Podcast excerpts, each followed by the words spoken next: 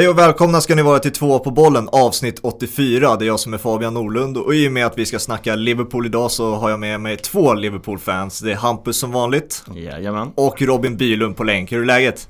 Ja, det, det har väl varit bättre egentligen. Det är ju morgonen efter uh, ytterligare en förlust på uh, Anfield, så det är inte, det är inte helt fantastiskt. Uh, vi gick 68 eh, raka utan att eh, förlora på hemmaplan, men eh, nu har vi gjort det två gånger på drygt två veckor, så det, nej, det har varit bättre, men vi ska väl komma upp på hästen igen. Det var väl första gången sedan 2012 var det va?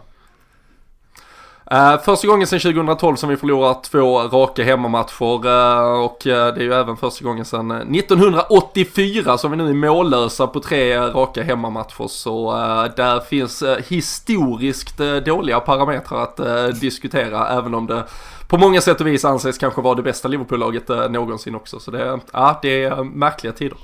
Du är lagom glad du med Hampus ska jag tippa då. Ja, igår kände jag hur, hur sjuk man blir av fotbollen. Det var, jag satt och stirrade in i en svart tv i 7-6 minuter efter det var fantasy-rivalen gick eh, sprang ifrån ännu mer och det är väl 100 poäng upp till honom nu och så Liverpools insats på det så att nej, det är ibland är eh, fotbollen har sina otroligt djupa dalar. Nu när jag planerade inför den här eh det här avsnittet för x antal veckor slash månader sedan, då var det ju så här den tidiga seriefinalen var det ju tanken att det skulle ju vara. Eh, men är det värt nu att presentera det här avsnittet snarare som att det är alltså Liverpools hopp om att eh, hålla kvar titelstriden vid liv så att säga? Alltså det Ska man Ja, alltså visst. Vinner Liverpool på söndag så, eh, så finns det ju med tanke på, vi vet vilken märklig säsong det är. Det ska igång ett Champions League-slutspel. Manchester City kommer väl vid något tillfälle behöva prioritera och eh, skulle såklart kunna åka på någonting och eh, med tanke på hur många skador vi har lyckats samla på oss så bör väl andra lag kunna åka på någon jävla skada till slut också. Men men ska man vara ganska realistisk så är väl, eh, så tror jag det avgjordes uh, igår, tyvärr. Uh, och framförallt med de förutsättningarna som nu finns så så kommer ju Pep Guardiola och med den defensiva stabilitet Manchester City har byggt upp åka till Anfield och, och bara liksom njuta av situationen. De vet att de kan stå stå ganska djupt, kontrollerat, eh, ha koll på, på händelserna. Skulle det rinna ut eh, 90 minuter bara försvinner och det slutar 0-0, då är City stora vinnare.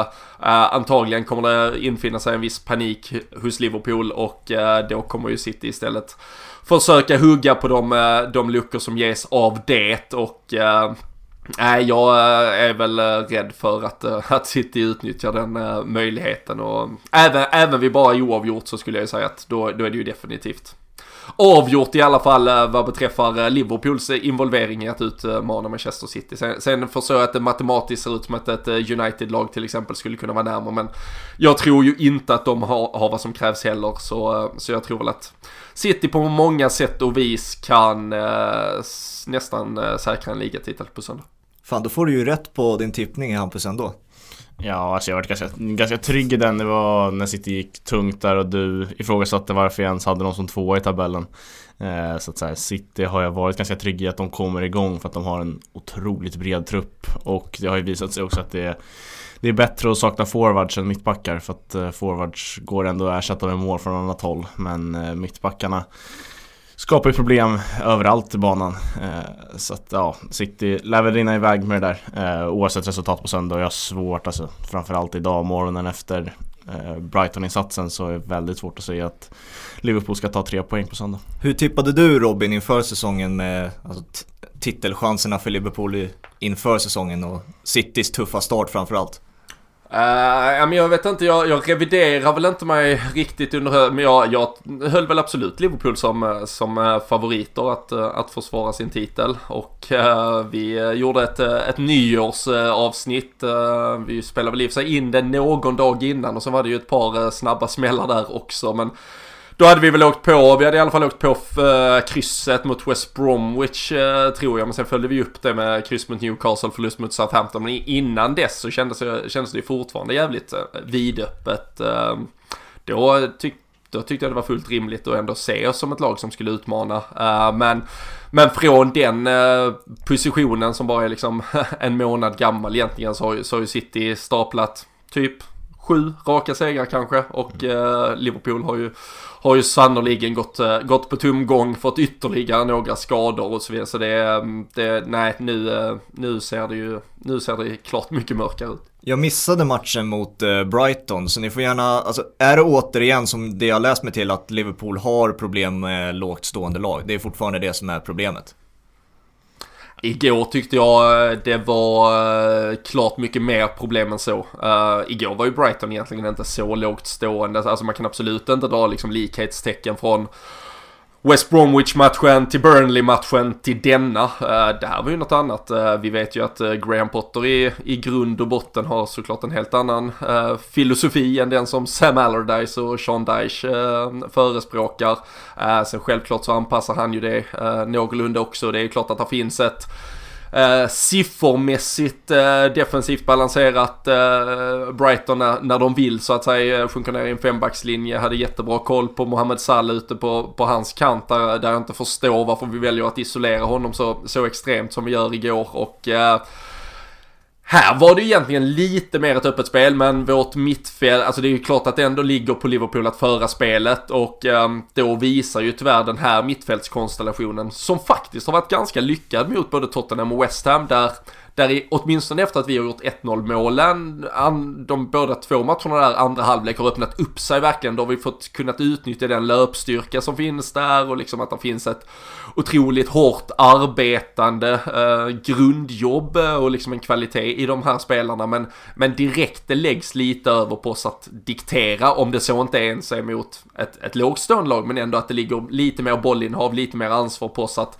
att sätta fart på bollen. Eh, som igår så, så tyckte jag det fallerade fullständigt. Sen som sagt tycker Mohamed Salah blir helt isolerad. Direkt mittfältet inte klickar, då funkar inte Roberto Firmino. Uh, vi spelar ju utan vänsterytter, jättemärkligt och ändå fick vi inte upp Så nej, det var, igår tyckte jag det var mycket mer uh, problem och fler problem än vad det har varit de senaste matcherna.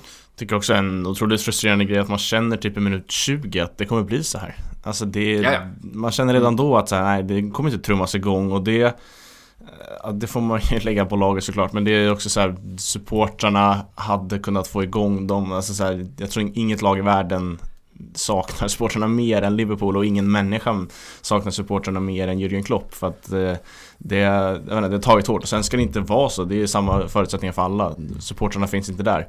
Men det är otroligt frustrerande att se sitt lag redan i minut 20 att man känner att ah, ja, det här blir liksom vi får, vi får vara glada om vi tar med oss tre poäng oavsett hur det ser ut för att det kommer bli tufft.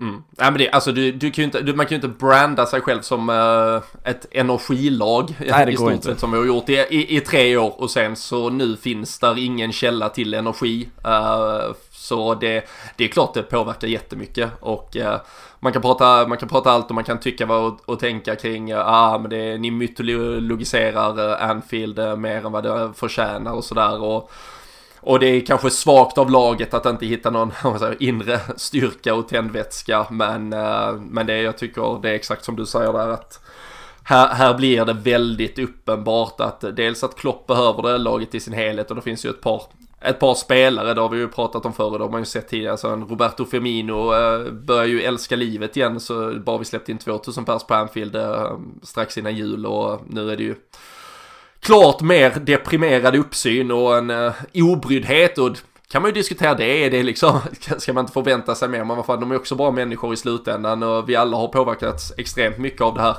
året som har varit tror jag. Och, och det är väl inte helt märkligt att även fotbollsspelare tycker att deras jobbmiljö inte är riktigt vad den, vad den brukade vara. Nej, det jag har hört, intervjun efter matchen var ju Klopp inne på trötthet både mentalt och fysiskt och mm. jag och Hampus har ju varit inne på det i podden tidigare och även hur eh, Hampus framförallt har tröttnat på Klopps väldigt eh, gnälliga ton rakt igenom säsongen. Även jag, det är väldigt tröttsamt att lyssna på. Hur har du upplevt hans inställning till säsongen?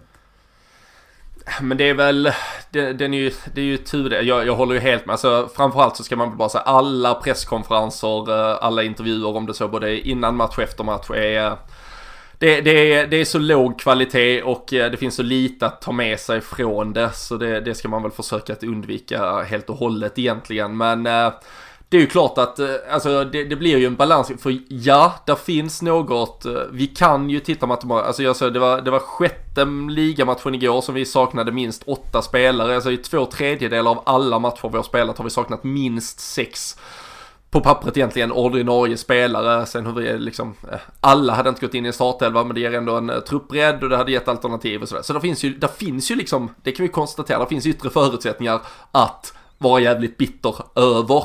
Um, sen kan man då tycka, ja men de spelarna som ändå fanns tillgängliga igår, ska inte de ändå slå Brighton? Mm. Um, frågar, vi, frågar vi alla som uh, hejar på så tror jag alla um, utgick från att vi, vi skulle vinna ändå.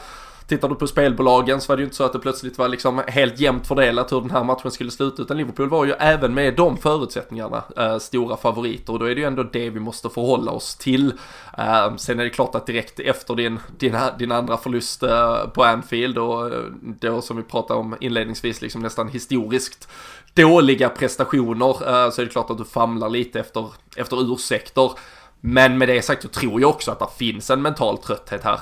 Ehm, och jag tycker man börjar se på spelare som, som kanske ändå kunde hålla eh, uppe det lite under första halvan av säsongen. En Andy Robertson som kanske var en av de bästa i laget då. Han i takt såklart också. Nu har vi inte haft Sadio Mané som är jätteviktig för hans spel. Men även innan dess tycker jag att man har börjat se att eh, det börjar bli lite mer tomt eh, i den tanken. Och, och det ser man på flera spelare.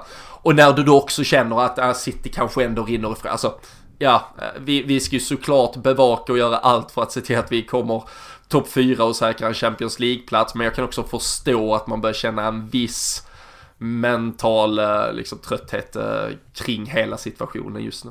Jag känner samma, när det är samma 16-17 gubbar som har fått rulla på liksom, startelvan. Eh, det är klart att den här startelvan i, alltså, i sin egen match ska slå Brighton men man måste ju mm ta i beräkningen liksom vad, vad kommer Liverpool ifrån och det är, äh, det är ingen superform eh, och det är väldigt, också nyckelspelare som saknas. Ja, och jag tror, alltså man såg, man, såg ju Trent eh, Alexander-Arnold igår fick ju ett eh, riktigt jävla frispel på Divock Origi när han fick bollen typ utanför.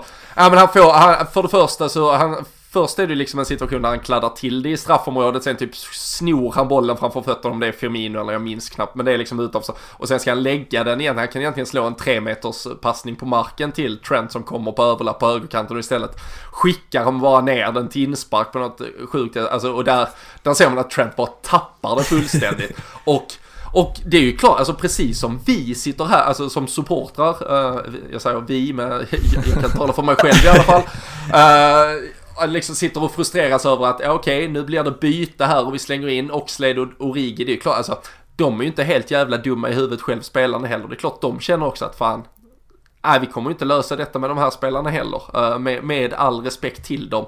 Men, uh, men de är ju vana och kommer från en så hög nivå och uh, när du ser runt omkring, alltså tror jag alla kan gå till sig själv liksom på, på en arbetsplats som du säger, ja men egentligen du ska jobba med det här gänget och sen så får du reda på, nej det blev de här istället. Nej, vänta, det blev fan de här. Nej, det blev de här istället. Alltså, det är ju klart att det tar musten ur en till slut. Och sen kan man då argumentera för, ja men de tjänar flera miljoner i veckan, de ska kunna vara bättre än så. Fast ja, de är också bra människor ändå. Så äh, jag, jag, tror, jag tror det är många spelare som känner att fan, det här, det här gick åt helvete från början och nu blir det bara värre och värre. Det, det är inte så jävla roligt längre. Det är jävla slående att eh man lyckades med så otroligt bra resultat. Visst, han var bänkspelare, men Divock Origi var liksom en stor del av Klopps lagbygge. Han är så jävla dålig.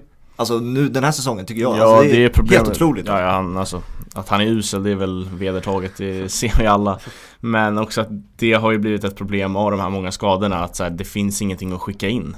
Eh, och mina... Nej, och relationen med mina miner verkar totalt liksom kukat ur Och då blir det, då blir det Origi och så här, oh, nej, lyckas inte med någonting men vad ska vi annars skicka in? Eh, om vi nu väl ska göra byten, måste jag byta? Mm. Ja och det, det var ju en så, alltså för det första så blev det ju en grej runt det och, och det, det pratade, minns jag vi pratade väldigt mycket om då i, alltså i, i vår podd och LFC-podden så är det liksom att där, där blev ju eh, Orio, han kommer ju fortfarande, han kommer alltid leva kvar som någon form av kultspelare, men, men då, då fick man ju faktiskt också, efter att han gjorde det här eh, slumpmålet mot Everton, då blev det ju ändå lite en grej, alltså då, även för det första behövde han ju ofta bara komma in de sista 6-7 minuterna, nu, nu ska han ju ibland starta matcher eller komma in och spela 35 minuter, vilket det har han ju absolut inte i sig.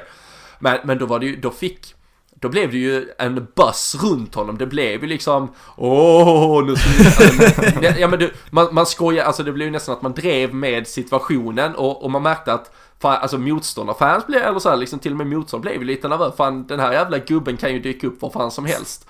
Nu är det ju, alltså exakt tvärtom istället. Så, uh, och han, nej, uh, det, det, det krävs ett ett timmes avsnitt bara för att diskutera honom som fotbollsspelare egentligen. Så mm. uh, låt, låt oss slippa det, framförallt alla lyssnar. Ja, men alltså poängtappen kommer ju framförallt den här säsongen från eh, sämre lag i tabellen sett till i alla fall. Och jag försökte öppna upp dörren här att det var på grund av att man inte egentligen kan bryta upp ett lågt stående försvar. Nu var det bevisligen inte så mot Brighton då, det var lite fler saker som påverkade där. Men är inte det som är liksom summeringen av Liverpool den här säsongen. Att man har väldigt, väldigt svårt att bryta upp ett lågtstående försvar. Eh, jo, det, det, alltså där finns väl absolut en grundproblematik i det. Eh, absolut. Eh, sen, sen, men sen tycker jag också, alltså det är egentligen det, det, är, det är en problematik som handlar om att vi inte får ihop det som, som lag och jag tycker man kan argumentera för att vi inte har fått det alla andra matcher heller eh, där vi har vunnit. Eh, så, så det har väl, nu har det fallit ut så. Jag, det är klart att det försämrar våra odds när det, när det är ett lag som verkligen uh, spelar kompakt och, och, defensivt. Men det handlar väldigt mycket till syvende och sist om har Mohamed Salah en bra dag? Har Sadio Mané en bra dag? För även mot de här ganska lågt stående lagen så handlar, får, får de bara till en, ett, ett ja, ett, ett skott i krysset eller liksom driver igenom och, och rullar in en boll. Då, då öppnas det upp. Det, det är inte många matcher. Det är väl typ Leicester och Wolves undantaget hemmamatcher eh, senhöstas. Där vi liksom som lag går ut och, och pulveriserar. Crystal Palace såklart blir ett freak resultat också eh, som, eh, som rinner iväg. Men eh, men annars är det väldigt få matcher där, där hela laget eh, ändå har kommit upp i en högsta nivå oavsett om det är ett lag som har ja, stått, stått extremt djupt eller, eller kommit upp och mött oss tycker jag. Så eh, det, ja, det har blivit väldigt synligt eh, i den typen av matcher men där finns en problematik just nu i, i stort sett i allt vi företar oss. Ja, jag tycker ju, alltså Sala ska göra 1-0 eh, igår efter ja. 3-4 minuter om man bara är lite mer varsam. Han är ett superläge, friläge liksom. Eh, alltså det känns som, just i det där läget, bara vara lite mer varsam, ta ner bollen, rulla in den och så har vi en helt annan match framför oss. Ja och där har man ju alltid, man har alltid ursäktat Salah och man, alltså man kan aldrig ta, man kan aldrig lägga någonting på Salah för, för han är fortfarande vår liksom standout-spelare och han är den som gör att det, det ens levde uh, fram, fram till hit om man ska säga det så. Men men han är ju van vid att kanske få tre sådana lägen per match och, och därmed så är han ju ursäktad. Men, men just nu har vi inte det grundspelet för att skaffa oss den, uh, den tryggheten. Och då behövs det som mot West Ham istället att när han får sitt första läge i straffområdet då trycker han den i krysset och då blir det en annan match av det. Uh, men, uh, men igår så, ja, han, han, får ett, har han tur så kanske han får ett till liksom. Men uh, det måste, den måste tyvärr sitta på första. Och det är inte heller det kan inte vi heller kräva av honom. För han gör tillräckligt många ändå. Sen är det jättefrustrerande att se det som supporter. Men eh, man kan inte lägga det på eh, honom. Men eh, det är klart att ja, det, det, är mycket som står och faller med det. Det är intressant det där med Salas avslut. För att jag, jag, jag fick fram någon slags tes efter att jag såg Tottenham-Liverpool-matchen där i samband med Manés eh, 3-1 mål där eh, när han smäller upp den i nättaket. Och ni som Liverpool-fans är intresserade av om ni, jag undrar om ni tycker likadant, om ni håller med den här tesen som jag har nu med Salah och Manés avslut. För att jag aldrig riktigt kunnat sätta fingret på om jag tycker att de är bra avslut eller inte, trots att de gör så ofantligt mycket mål.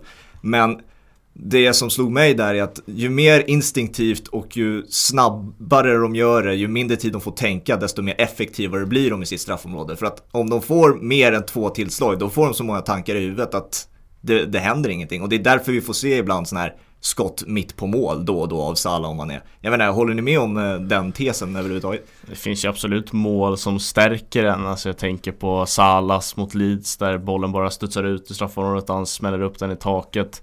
Eh, sen har de ju båda sina mål där de liksom weaving around the centerbacks och så lägger de in den efter 10-12 sekunder så att bollen har Men absolut, alltså Eh, jag tar ju hellre bara Sala på en tors och det smäller än att han ska tänka. Det, alltså jag tycker att de är ibland ganska nonchalanta avslutare.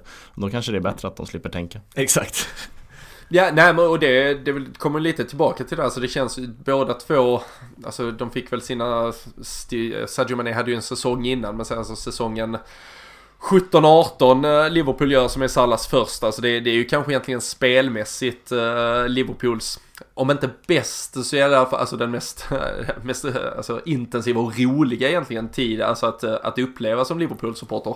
Då var det ju mycket de här 5-2 matcherna och alltså det var, det var ju liksom full fart. Det var den här energifotbollen i, ja men i, i upphöjt till två egentligen och, och där blev det ju där var, alltså Salah hade ju 4, 5, 6, 7 lägen varenda match egentligen och, och så gjorde han två och det, det gjorde inte så jävla mycket om du drog upp två på läktaren också. Uh, och sen, um, och det gav ju fog redan då till att man diskuterade liksom, är han, kan vi se han som en klassavslutare och, och så vidare och då slutar han väl på 31 Premier League-mål och 44 totalt eller mm. något sånt. Du, du, du, kan ju inte säga att han inte är en bra avslutare, alltså egentligen, men jag, jag förstår ju såklart diskussionen i det. Uh, men, uh, men det är klart att uh, Sen hade det ju förändrat något annat i honom som fotbollsspelare antagligen. För alltså, då hade han kanske tagit ut lite mer säkerhetsmarginaler på annat sätt för att han ville ha den tiden och så vidare.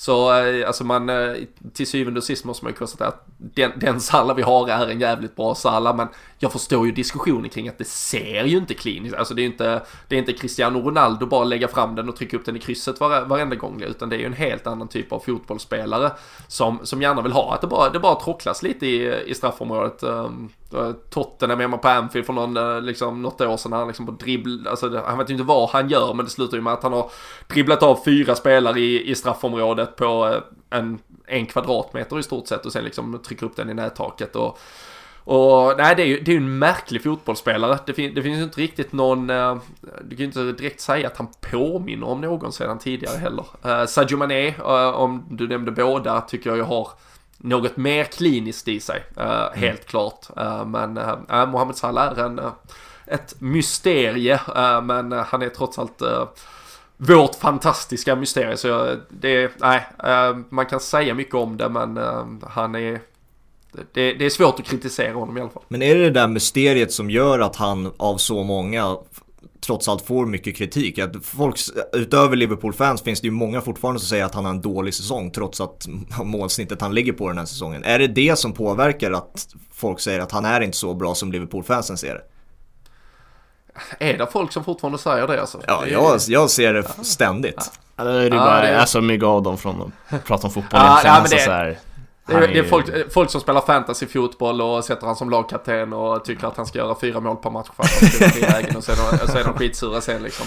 Men uh, nej, uh, det, alltså, han hade ju kunnat uh, skita i att komma till lägena istället så, så hade han väl varit mer ursäktad då men um, han har väl gjort fler mål än uh, Harry Kane och, och, Jamie Vardy och alla andra möjliga uh, jävla spelare i ligan liksom. Så nej, det, det, det, kan de, det kan man glömma. Hade Salah varit så klinisk som folk verkar vilja att han ska vara så hade han ju slagit alla målrekord som finns. Och så här, det går ju inte att vara så klinisk, bevisligen. Ronald, eh, Cristiano Ronaldo är ju inte så klinisk. Eh, så att, eh, nej, Salah är ju underbar.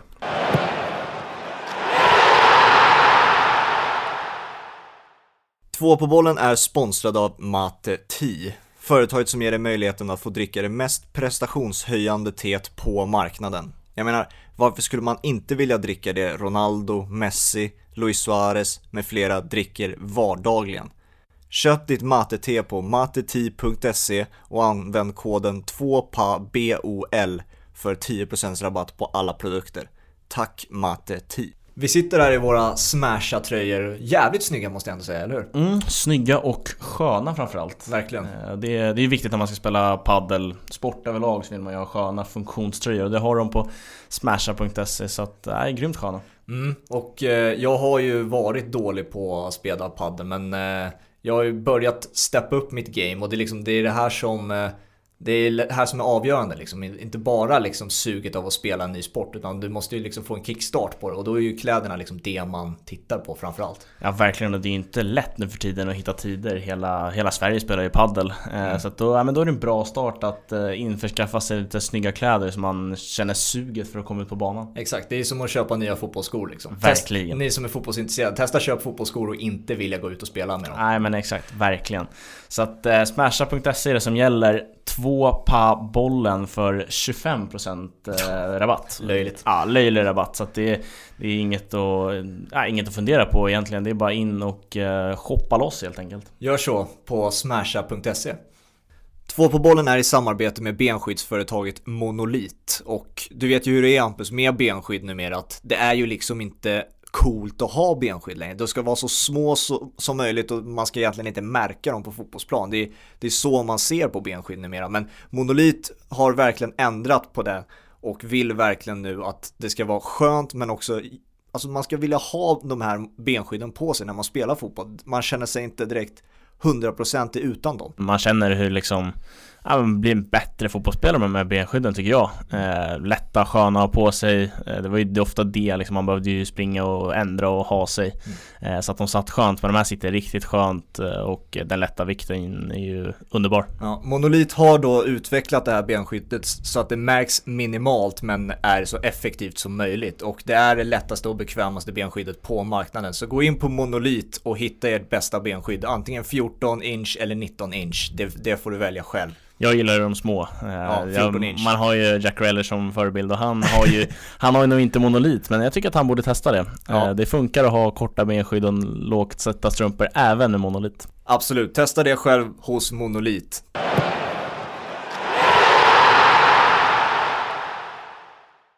Ska vi ta lite januarifönster då? Hur såg ni på er deadline? Eh, Minamino ut och två mittbackar in då. Är det ett bra de deadline för er? Det är väl, en, eh, det är väl ett bra, en bra deadline day så. Sen kan man ju sannoliken argumentera ifall eh, det borde ha skett på deadline day eller uh, tidigare. Och det, mm. det, behövs nog skrivas någon doktorsavhandling i, i Liverpools agerande där kanske. Men uh, som, uh, som Hampus nämnde innan att, uh, att Minamino får gå, det, det kan vi ju bara konstatera. Det, det är ju någonting som har skurit sig. Klopp var ju inne på, det var ju presskonferensen inför Brighton började han ju babbla något om att ibland behöver du ha liksom rätt antal centimeter på planen i stort sett så att Origi liksom går före för att han är ett halvt huvud högre i stort sett och man bara känner sig vad fan är detta vi snackar om liksom nu? Och han, han, gör, han, han spelar ju mot Crystal Palace och sen eh, från det så får han väl i januari typ ett inhopp på, på fyra minuter totalt och sånt och det, det, det är väldigt märkligt och ett mysterium säger nu.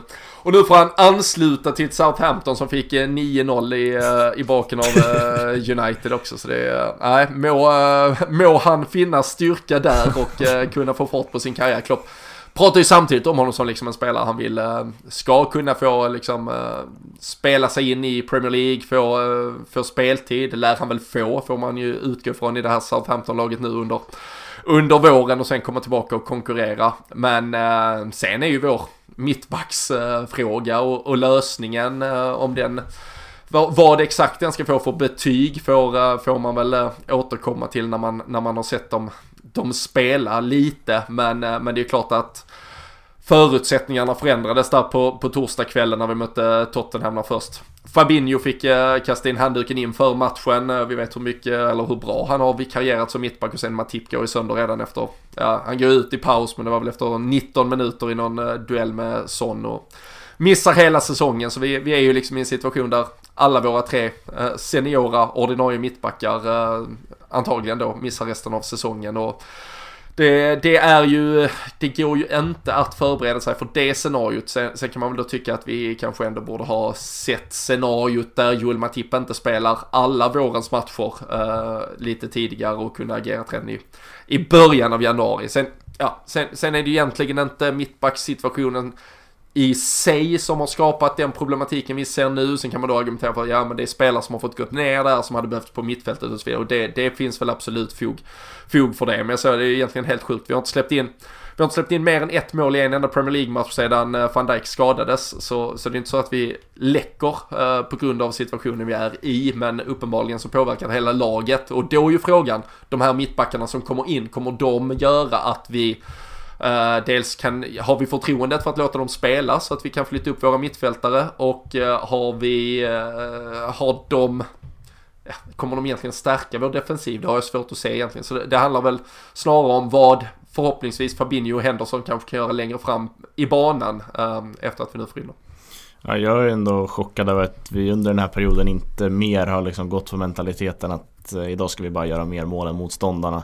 Vi, ja, vi kanske kör med Phillips och så får Fabinho vikariera och så får Henderson köra på mitten och så kör vi all out attack eh, och så får vi se hur långt det räcker. Eh, men det är väl också energin som inte har funnits för att göra det. Eh, för att annars är ju Liverpool ett sånt lag som gärna spelar så.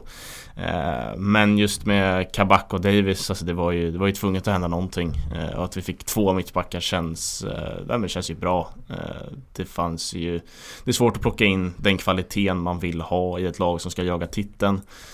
Och sen är det så här, ja plocka bort de tre bästa mittbackarna i varje lag i Premier League. Det blir svårt att vinna titeln då.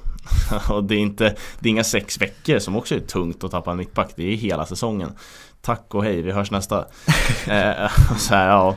Men jag är ändå nöjd över att vi får in två mittbackar. Eh, det känns som att ja, men, få, få lite rullians där, antingen köra Fabinho och Henderson men också kunna skicka in renodlade mittbackar.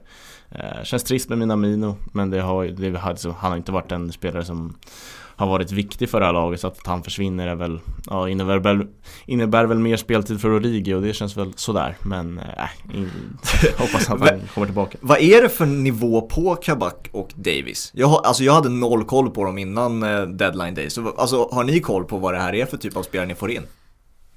Nej, jag, jag tror uh, den, den, som säger att de har uh, örnkoll på uh, Ben Davis framfart i Preston, den, den ljuger kan börja med. yep. Men, men, men det är ju klart att man kan, det man, det man kan tillskansa sig och sen får man ju lita på det. Det, det blir också ibland lite så här parodiskt när, när det framstår som att ah, Liverpool eh, hittar eh, den här gubben eh, sista dagen liksom. Alltså det är klart att han har funnits på, på någon form av eh, nedbantad lista på, på alternativ även, även sedan tidigare.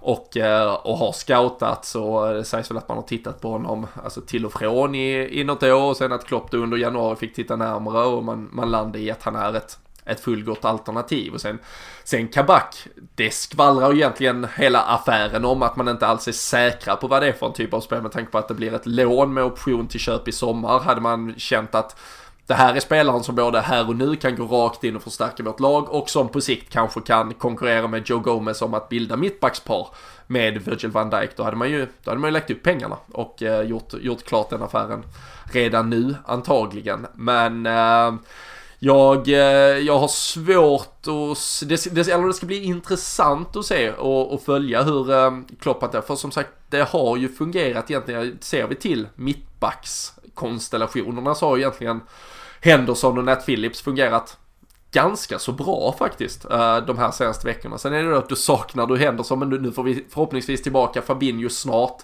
Och jag tror i alla fall att det första vi kommer att se här inledningsvis det är nog att Henderson eller Fabinho spelar med Nat Phillips även på söndag mot Manchester City och eh, att en av dem, om då Fabinho är tillbaka, går in på mittfältet och att vi istället försöker hitta, hitta rätt där.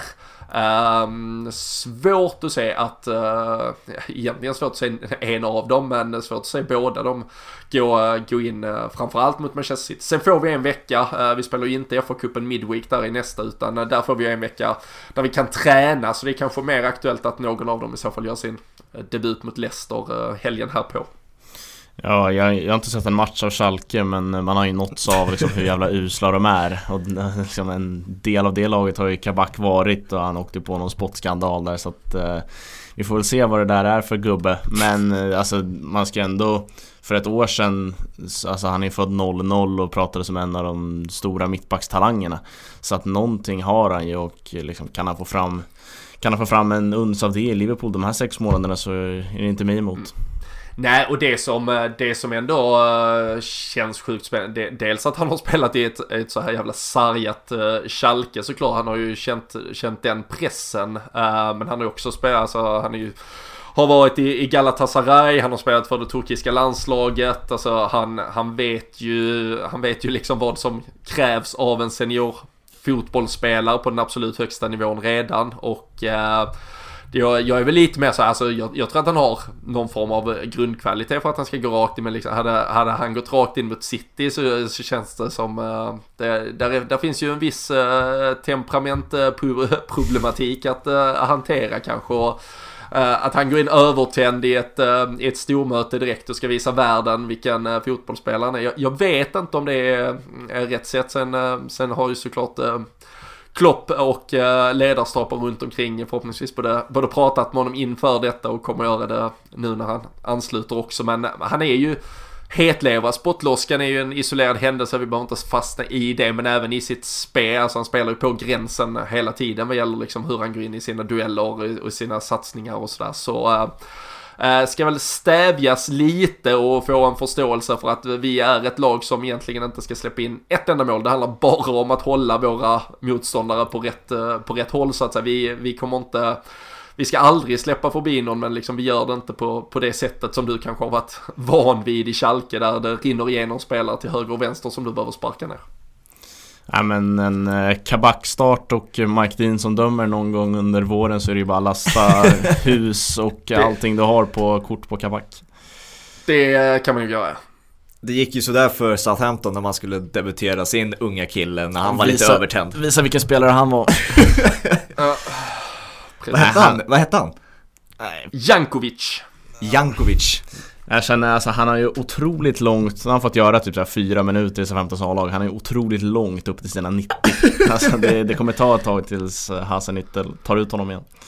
Ska, ska vi ta lite City-matchen då? Eh, vad förväntar ni er för typ av matchbild? För att det har ju varit väldigt mycket rock'n'roll, eh, eh kloppfotboll de matcherna. Eh, men också har det ju varit 0-0 matcher, väldigt tråkiga och stängda matcher. Så att vad är det ni förväntar er? Är det mycket offensivt eller är det en stängd match?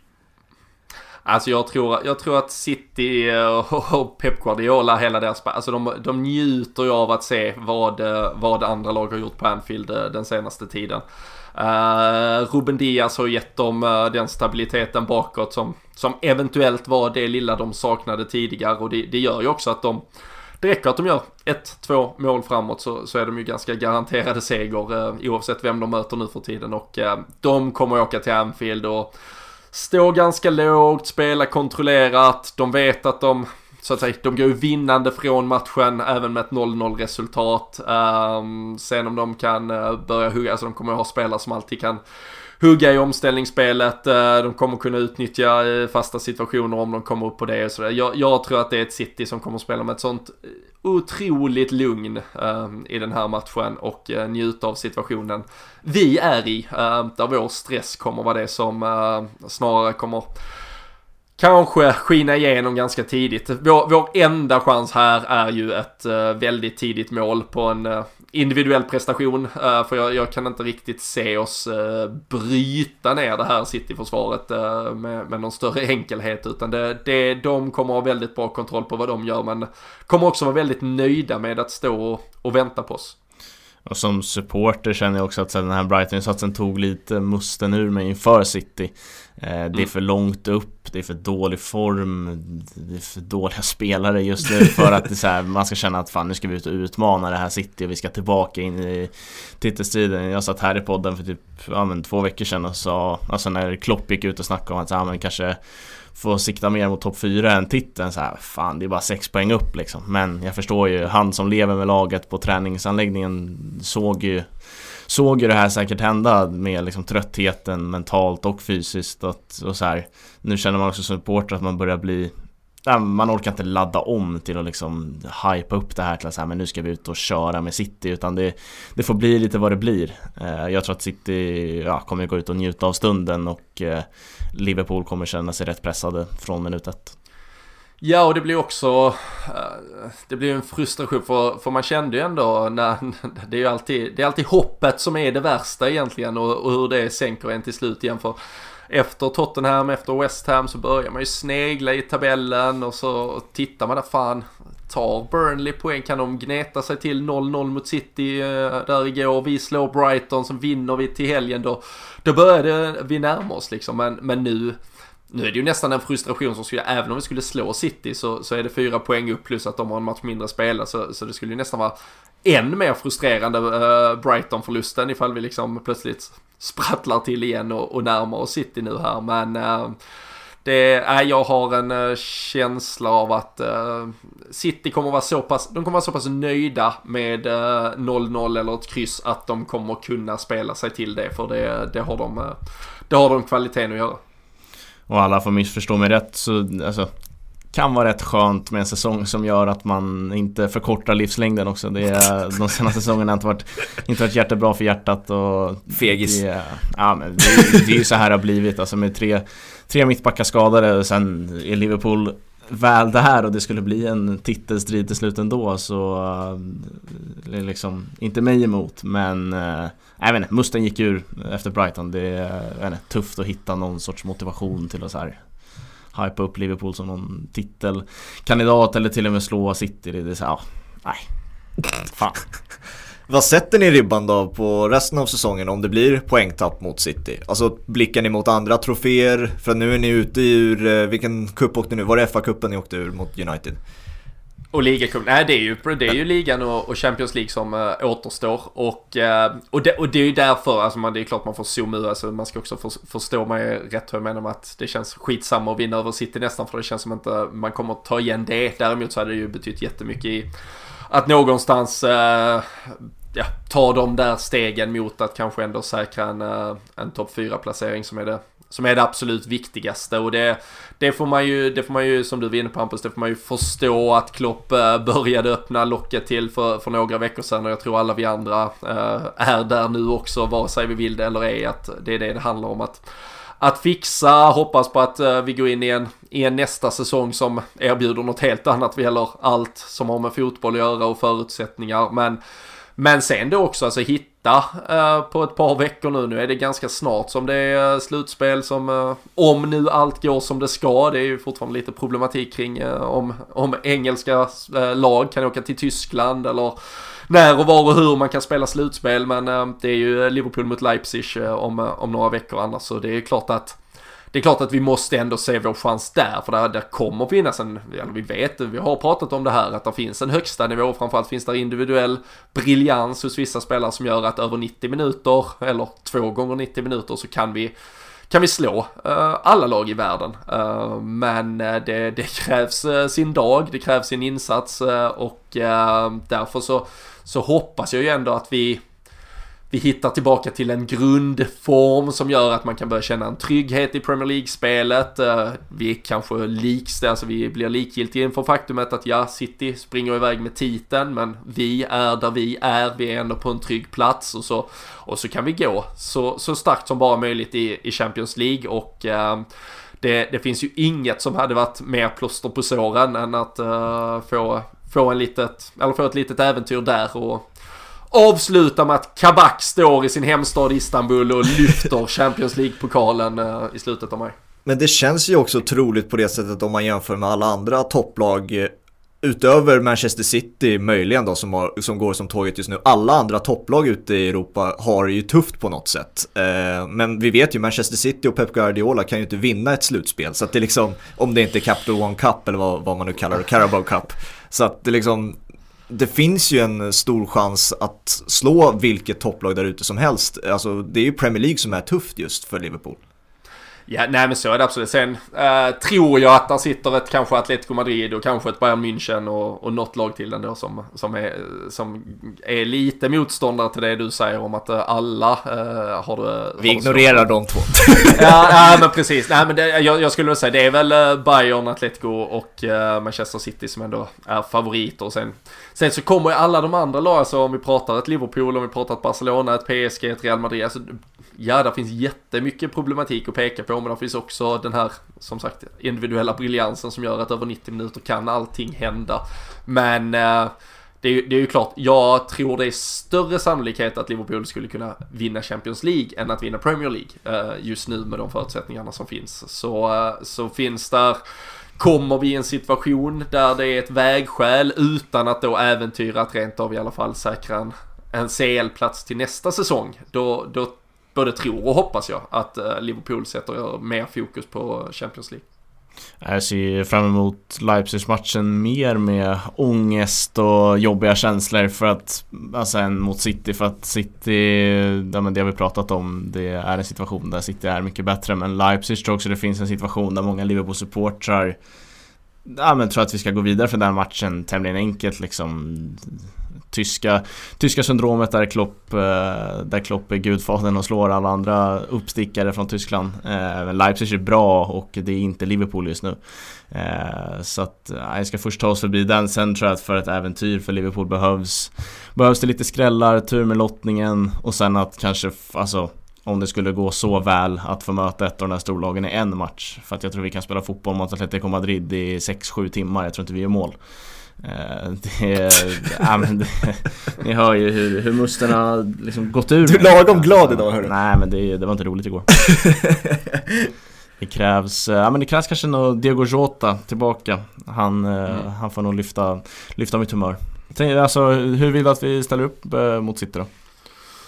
Uh, jag hade velat uh, se att, uh, vi hoppas ju att Sadio Mané är tillbaka. Eh, det pratade ju Klopp om eh, också efter matchen igår. Han sa att ja, det ser väl ändå ganska positivt ut. han pratade inför matchen att han hoppades ha Fabinho tillbaka till helgen som vi utgår från att det är samma förutsättningar med tillägg till att då Fabinho och Sadio Mané är tillbaka här så får man väl ändå gå till fronttrion i dess eh, grundutförande, uh, sätta ihop den igen. Uh, vi, uh, mittfältet Få upp Fabinho på mittfältet, uh, hellre det, och så behålla Henderson och Nat Phillips i mittförsvaret även mot City. Och så blir det väl Fabinho med Gini Wijnaldum och Thiago på mittfältet i så fall. helt enkelt. Robertson, Trent. Och så hoppas vi att Allison är frisk också. Det är också helt, helt sinnessjukt att en målvakt är out för tredje gången på en uh, halv säsong med uh, tredje helt ovissa. Han, han mådde dåligt. det är så jävla sinnessjukt. Men uh, ja, vi, vi får väl se ja. vad som händer. Det, det, vore, det vore ju inte en högodds att någon annan hinner bli skadad också inför söndag. Så det... Nej, exakt. Det känns, eh, det känns varken eh, tryggt eller säkert eller något annat men jag slår ändå ett slag för att så här, skicka in Kabak och Davis tillsammans. Davis är väl vänsterfotad. Mm. Kabak och Davis varsin, varsin mittbacksplats och sen kör vi ett mittfält med Wijnaldum, Henderson och eh, Fabinho. Och eh, liksom hittar tillbaka till alla andra positioner förutom mittbackarna Men vi har i alla fall två renodlade mittbackar Vilket vi inte haft på väldigt länge. Eh, men det känns, alltså det känns inte rimligt. Men jag väljer ändå att slå ett slag för det att så här, Spela in den här elvan direkt mot City. Skicka in dem i hetluften direkt. Låt dem ta lite så beslut på Ja men bara som de kommer, inte utan att vara inspelad i formationen eller formatet eller någonting och så får vi se hur det går helt enkelt. Eh, för att jag, alltså så här, Absolut, det lär bli Henderson och Nat Phillips eh, och City kommer vara bättre än oss oavsett vad vi ställer upp med. Men jag vill ändå... Nej, det hade varit coolt från Klopp att göra det. Alltså jag tror, eh, jag, jag tror inte det händer. Nej, vi, vi nej det tror inte jag heller. Men, men det, det, det är nog inte det skulle absolut inte vara helt osannolikt beroende på hur eh, allt har eh, löst sig med Kabak här nu till exempel. Alltså han kom, de är ju båda två är ju egentligen up and running i sitt eh, ligaspel eh, och så vidare. Det är inte så att de kommer från från, från ingenstans här och plötsligt ska lära sig spela fotboll. Så, så att en av dem skulle kunna vävas in i, i startelvan är ju absolut inte osannolikt. Men Ja, vi får, vi får se. Eh, jag, eh, en av dem eh, skulle kunna vara intressant, men, men samtidigt så tycker jag inte det är där problematiken har varit heller. Så ja, vi återstår att se.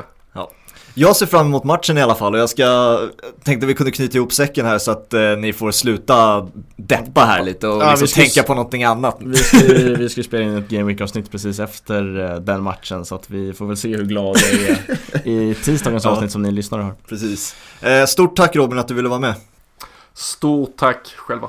Berätta också vad vi hittar dig på sociala medier och sånt där. Eh, man kan väl eh, lyssna på uh, LFC-podden eh, till exempel. Uh, gör ett par olika inslag eller program på uh, Dobb-TV också ibland. Och sen är det Robin Bylund LFC om man vill uh, tjafsa på Twitter. Yes, kika in det framförallt Big Six och Studio Sandon. Riktiga toppprogram borta hos Dobb. Så är det. Eh, OC-podden hittar ni på Instagram och Twitter. Eh, Twitter är det tvåbollen som gäller och Instagram tvåpabollen och även vår hemsida tvåpabollen.se där vi kör lite bloggar som man kan gå in och läsa. Yes. Eh, då hörs vi sen på tisdag, så får ni ha det så bra så länge. Det gör vi. Ciao! Ciao!